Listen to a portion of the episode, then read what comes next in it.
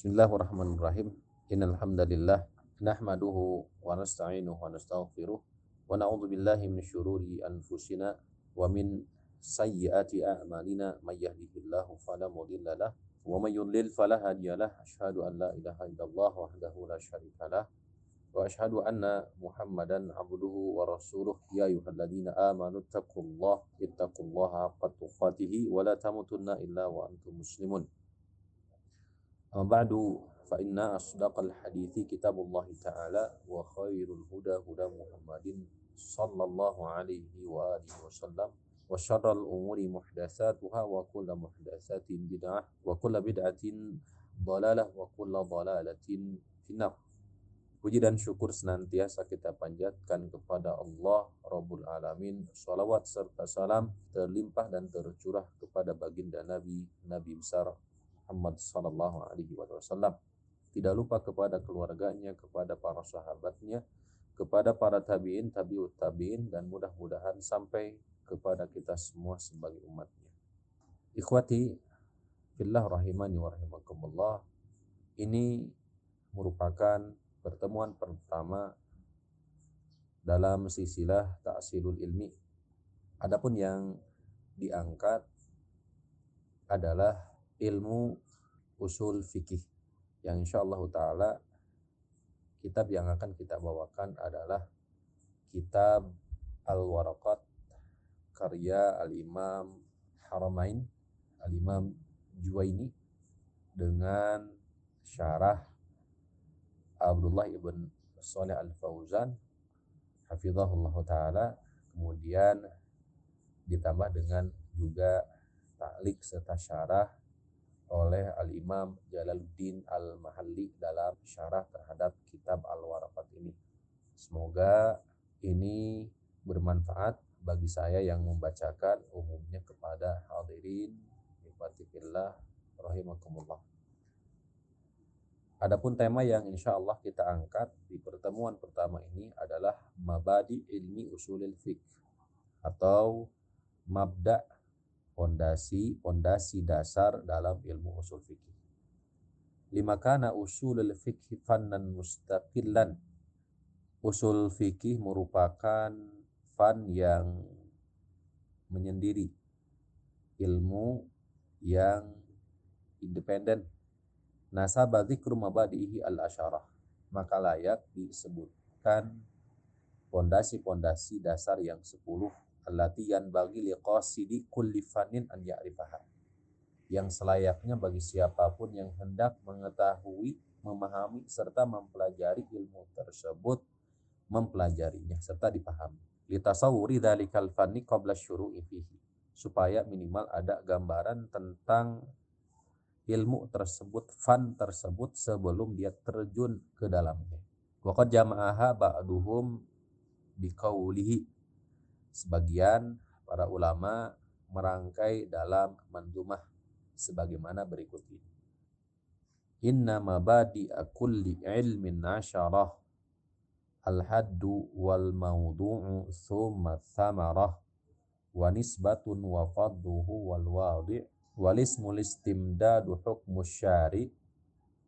Masailu wal ba'du bil ba'di iktafa wa man daral jami'a hadha syarafa. Zada ba'duhum sebagian menambahkan al-mabda'u al-hadi asyar. Pondasi yang ke-11 wa huwa syarafuhu yaitu kemuliaan atau mulianya ilmu tersebut. Kalau kita terjemahkan sesungguhnya pondasi dasar setiap ilmu itu ada 10. Pertama, had yaitu batasan atau definisi. Kemudian wal maudhu yaitu buaran atau bahasan. Semas samaroh kemudian buah hasil dari ilmu tersebut itu untuk apa? Wanis batun kemudian nisbahnya ilmu tersebut itu kepada apa? Wafadluhu kemudian keutamaan dari ilmu tersebut wal penemu peletak terhadap ilmu tersebut kemudian walismu nama ilmu tersebut itu apa Kemudian alistimdadu ilmu tersebut itu kepanjangan dari ilmu apa? Kemudian hukum syari hukum mempelajari hukum syariat mempelajari ilmu tersebut. Kemudian ditambahkan masa ilu dan sebagian masa ilu yang ke-10 masa ilu yaitu masalah-masalah yang dikaji di dalamnya. Wal ba'du bil ba'di sebagian di atas sebagian itu sudah mencukupi wa mandal jami'ah hadza. Tapi seandainya waman dan barang siapa memahami, mengetahui secara keseluruhan hadza syarafah maka dia telah mendapatkan kemuliaan. Kemudian sebagian menambahkan sebagaimana tadi sudah disebut yang ke-11 yaitu syaraf yaitu kemuliaan mempelajari ilmu tersebut atau kemuliaan ilmu tersebut. Khotibillah rahimani rahimakumullah sekarang kita masuk ke dalam rincian dari mabda ataupun fondasi e, ilmu usul fikih secara khusus. Hadduhu, definisi atau batasan dari ilmu syar'i atau ilmu usul fikih. Ilmu usul fikih definisinya ilmun yabhathu fi adillatil fikhil ijmaliyati wa kaifiyatil istifadati minha.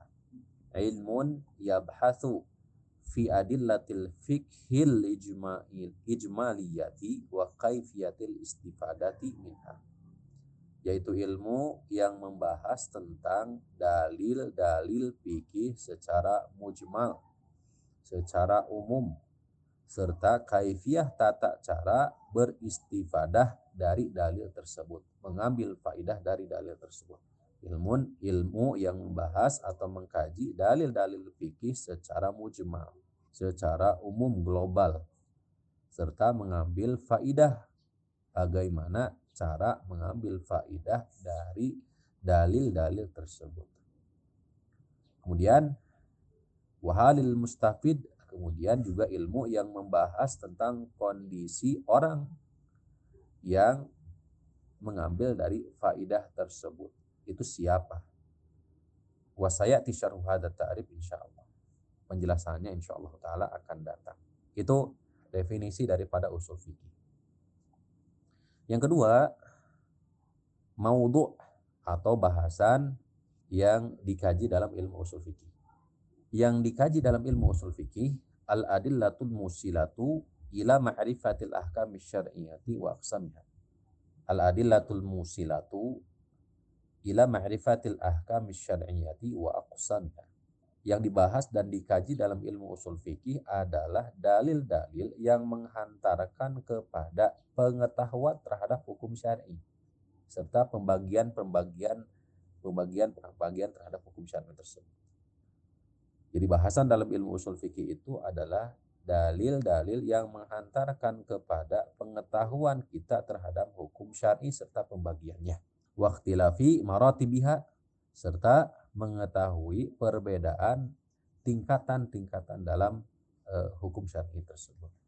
Wa kaifiyatul istidlal biha serta yang dikaji dalam ilmu usul fikih itu adalah kaifiyah tata cara beristidlal atau mengambil dalil mengambil dalil dari satu dalil ma'a ma'rifati halil mustadil disertai dengan pengetahuan tentang kondisi orang yang mengambil dalil tersebut. Intinya, bahasan yang dikaji dalam ilmu usul fikih bukan saja membahas tentang dalil, juga termasuk memahami, mengetahui siapa orang yang mengambil, menelaah, mempelajari, menarik kesimpulan dari dalil tersebut itu dipelajari, dibahas dan dikaji oleh ilmu usul fikih. Kemudian ketiga, samaratuhu wa faidatuhu. Buah, hasil serta faidah mempelajari ilmu usul fikih. Di antara keutamaan atau faidah serta hasil buah mempelajari usul fikih, pertama ada empat dibahas dan dikaji oleh Syekh Abdullah ibn Salih al-Fauzan dalam syarah terhadap kitab Arafat ini ada empat kurang lebihnya. Pertama, al-qudratu ala istinbatil ahkam syar'iyyah ala asasin salimah. Kudrah, kemampuan. Mampu untuk menyimpulkan hukum syariat di atas dasar yang salim. Mampu menarik kesimpulan dari hukum syar'i dengan cara dasar yang lurus, benar, salim, selamat. Yaqulu Syekhul Islam Ibnu Taimiyah rahimahullah taala telah mengatakan Syekhul Islam Ibnu Taimiyah rahimahullah taala inna al-maqsud min usul al-fiqh an yufqiha muradallah wa rasulahu muradallahi wa rasulihi bil kitab wa sunnah.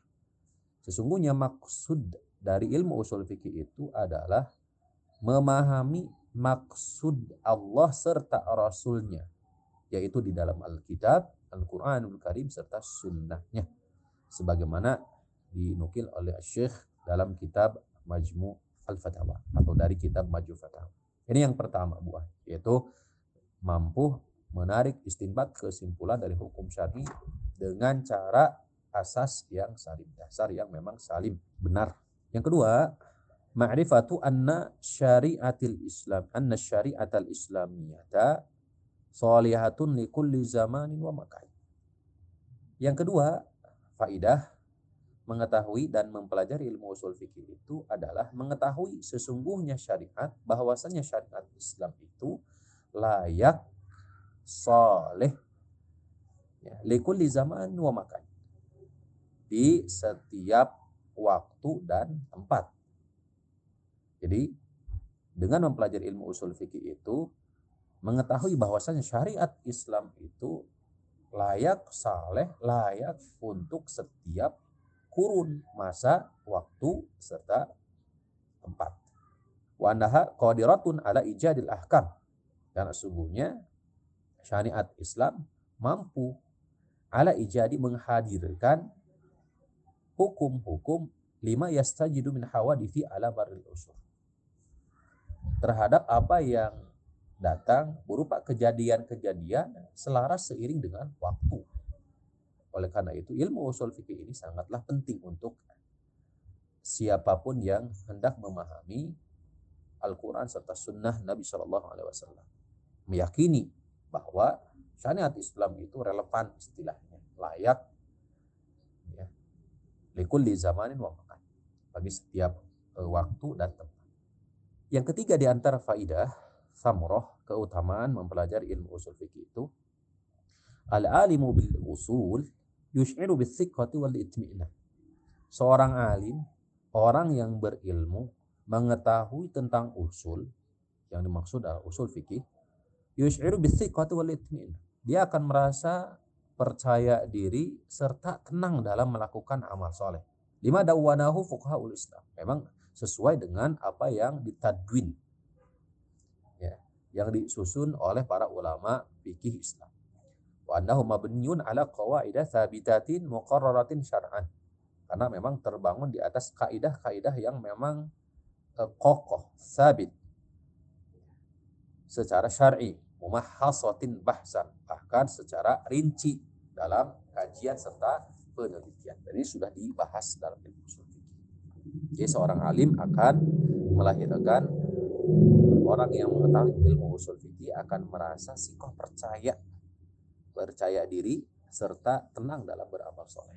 Kemudian yang ketiga, yang keempat di antara faidah buah hasil mempelajari ilmu usul fikih laisatil faidatu man min ilmi usul al-fiqh qasiratun qasiratun alal fiqh faqat.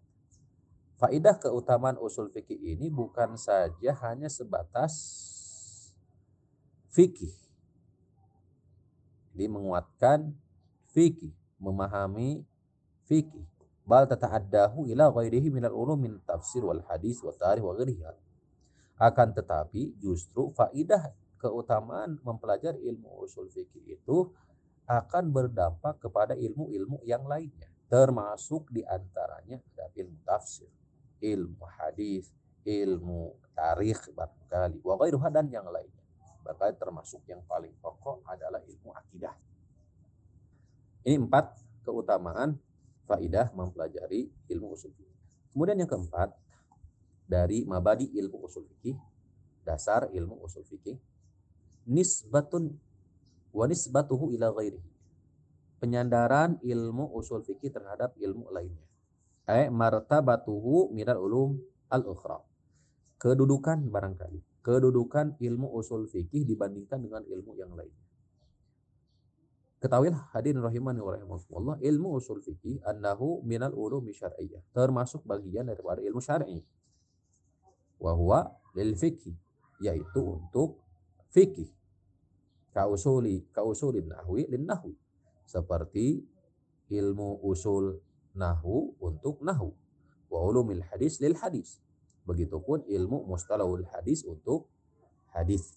Begitupun usul fikih untuk fikih. Oleh karena itu, kedudukan ilmu usul fikih ini adalah termasuk bagian daripada ilmu syari. Yang kelima, keutamaan mempelajari ilmu usul fikih. Ma warada fil hasi ala tafakuh fi dinillahi ta'ala wa ma'rifati ahkami syar'iyyah. Wa hadha mutawaqqifun ala usul fikih. Apa yang terwirid dalam anjuran untuk tafakuh fi din sebagaimana tertera dalam hadis Nabi Shallallahu Alaihi Wasallam. Di antaranya kata Nabi Shallallahu Alaihi Wasallam, "Man yuridillahu bihi khairan yufaqihu fiddin." Barang siapa yang Allah menghendaki kebaikan atas seorang hamba, maka Allah akan pahamkan dia dalam agama. Maka di antara keutamaan mempelajari ilmu usul fikih adalah sebagaimana tadi dikatakan dalam hadis Nabi SAW. Barang siapa yang memahami agama, memahami ilmu usul fikih, maka sejatinya dia sedang mempelajari dan berusaha untuk memahami agama dan barang siapa yang hendak memahami agamanya, maka itu indikasi Allah mencintai, menghendaki kebaikan atas dia. Wallahu a'lam Yang keenam, wadi penemu daripada ilmu usul fikih itu sendiri. Peletak dari ilmu usul fikih itu sendiri. Wal imam Muhammad ibn Idris Asy-Syafi'i rahimahullah taala. Peletak pondasi ilmu usul fikih itu adalah Al-Imam Muhammad. Imam Muhammad ibn Idris Asy-Syafi'i yang terkenal dengan Imam Asy-Syafi'i rahimahullah taala sahibul. Wadhalika bi ta'lifi kitab risalah yaitu dengan mengarang kitab Ar-Risalah wa qad dzakartu dzalika fil muqaddimah. Dan ini sudah disebutkan oleh Asy-Syarih Syekh Abdullah ibn Saleh Al Fauzan dalam uh, mukaddimahnya. Yang ingin lebih luas silakan bisa dibaca di mukaddimah dari syarah terhadap kitab Al Waraqat ini. Adapun yang ketujuh, ismuhu penamaan terhadap ilmu ini. Penamaan terhadap ilmu ini, ilmu ini disebut dengan ilmu usulil fikih, ilmu usul fikih. Adapun nanti pembahasan secara rincinya ada di bab di awal. Yang kedelapan, istimdaduhu yaitu kepanjangan ilmu ini ini kepanjangan dari min salah satu asya dari tiga perkara. Sejatinya ilmu usul fikih ini adalah kepanjangan dari ilmu-ilmu yang lainnya. Di sini dicantumkan dari tiga pokok. Pertama adalah ilmu tauhid dari ilmu tauhid. Wadhalika litawaqqufil ahkam syar'iyyah ala ma'rifatillah ta'ala. Hal ini disebabkan karena tegaknya hukum syar'i di atas ma'rifatullah taala yaitu mengenal Allah Subhanahu wa taala. Wa sidqi rasulih sallallahu alaihi wasallam bima ja'a bihi minal ahkam serta pembenaran terhadap Rasul sallallahu alaihi wasallam dari apa yang dibawa oleh Nabi sallallahu alaihi wasallam berupa hukum.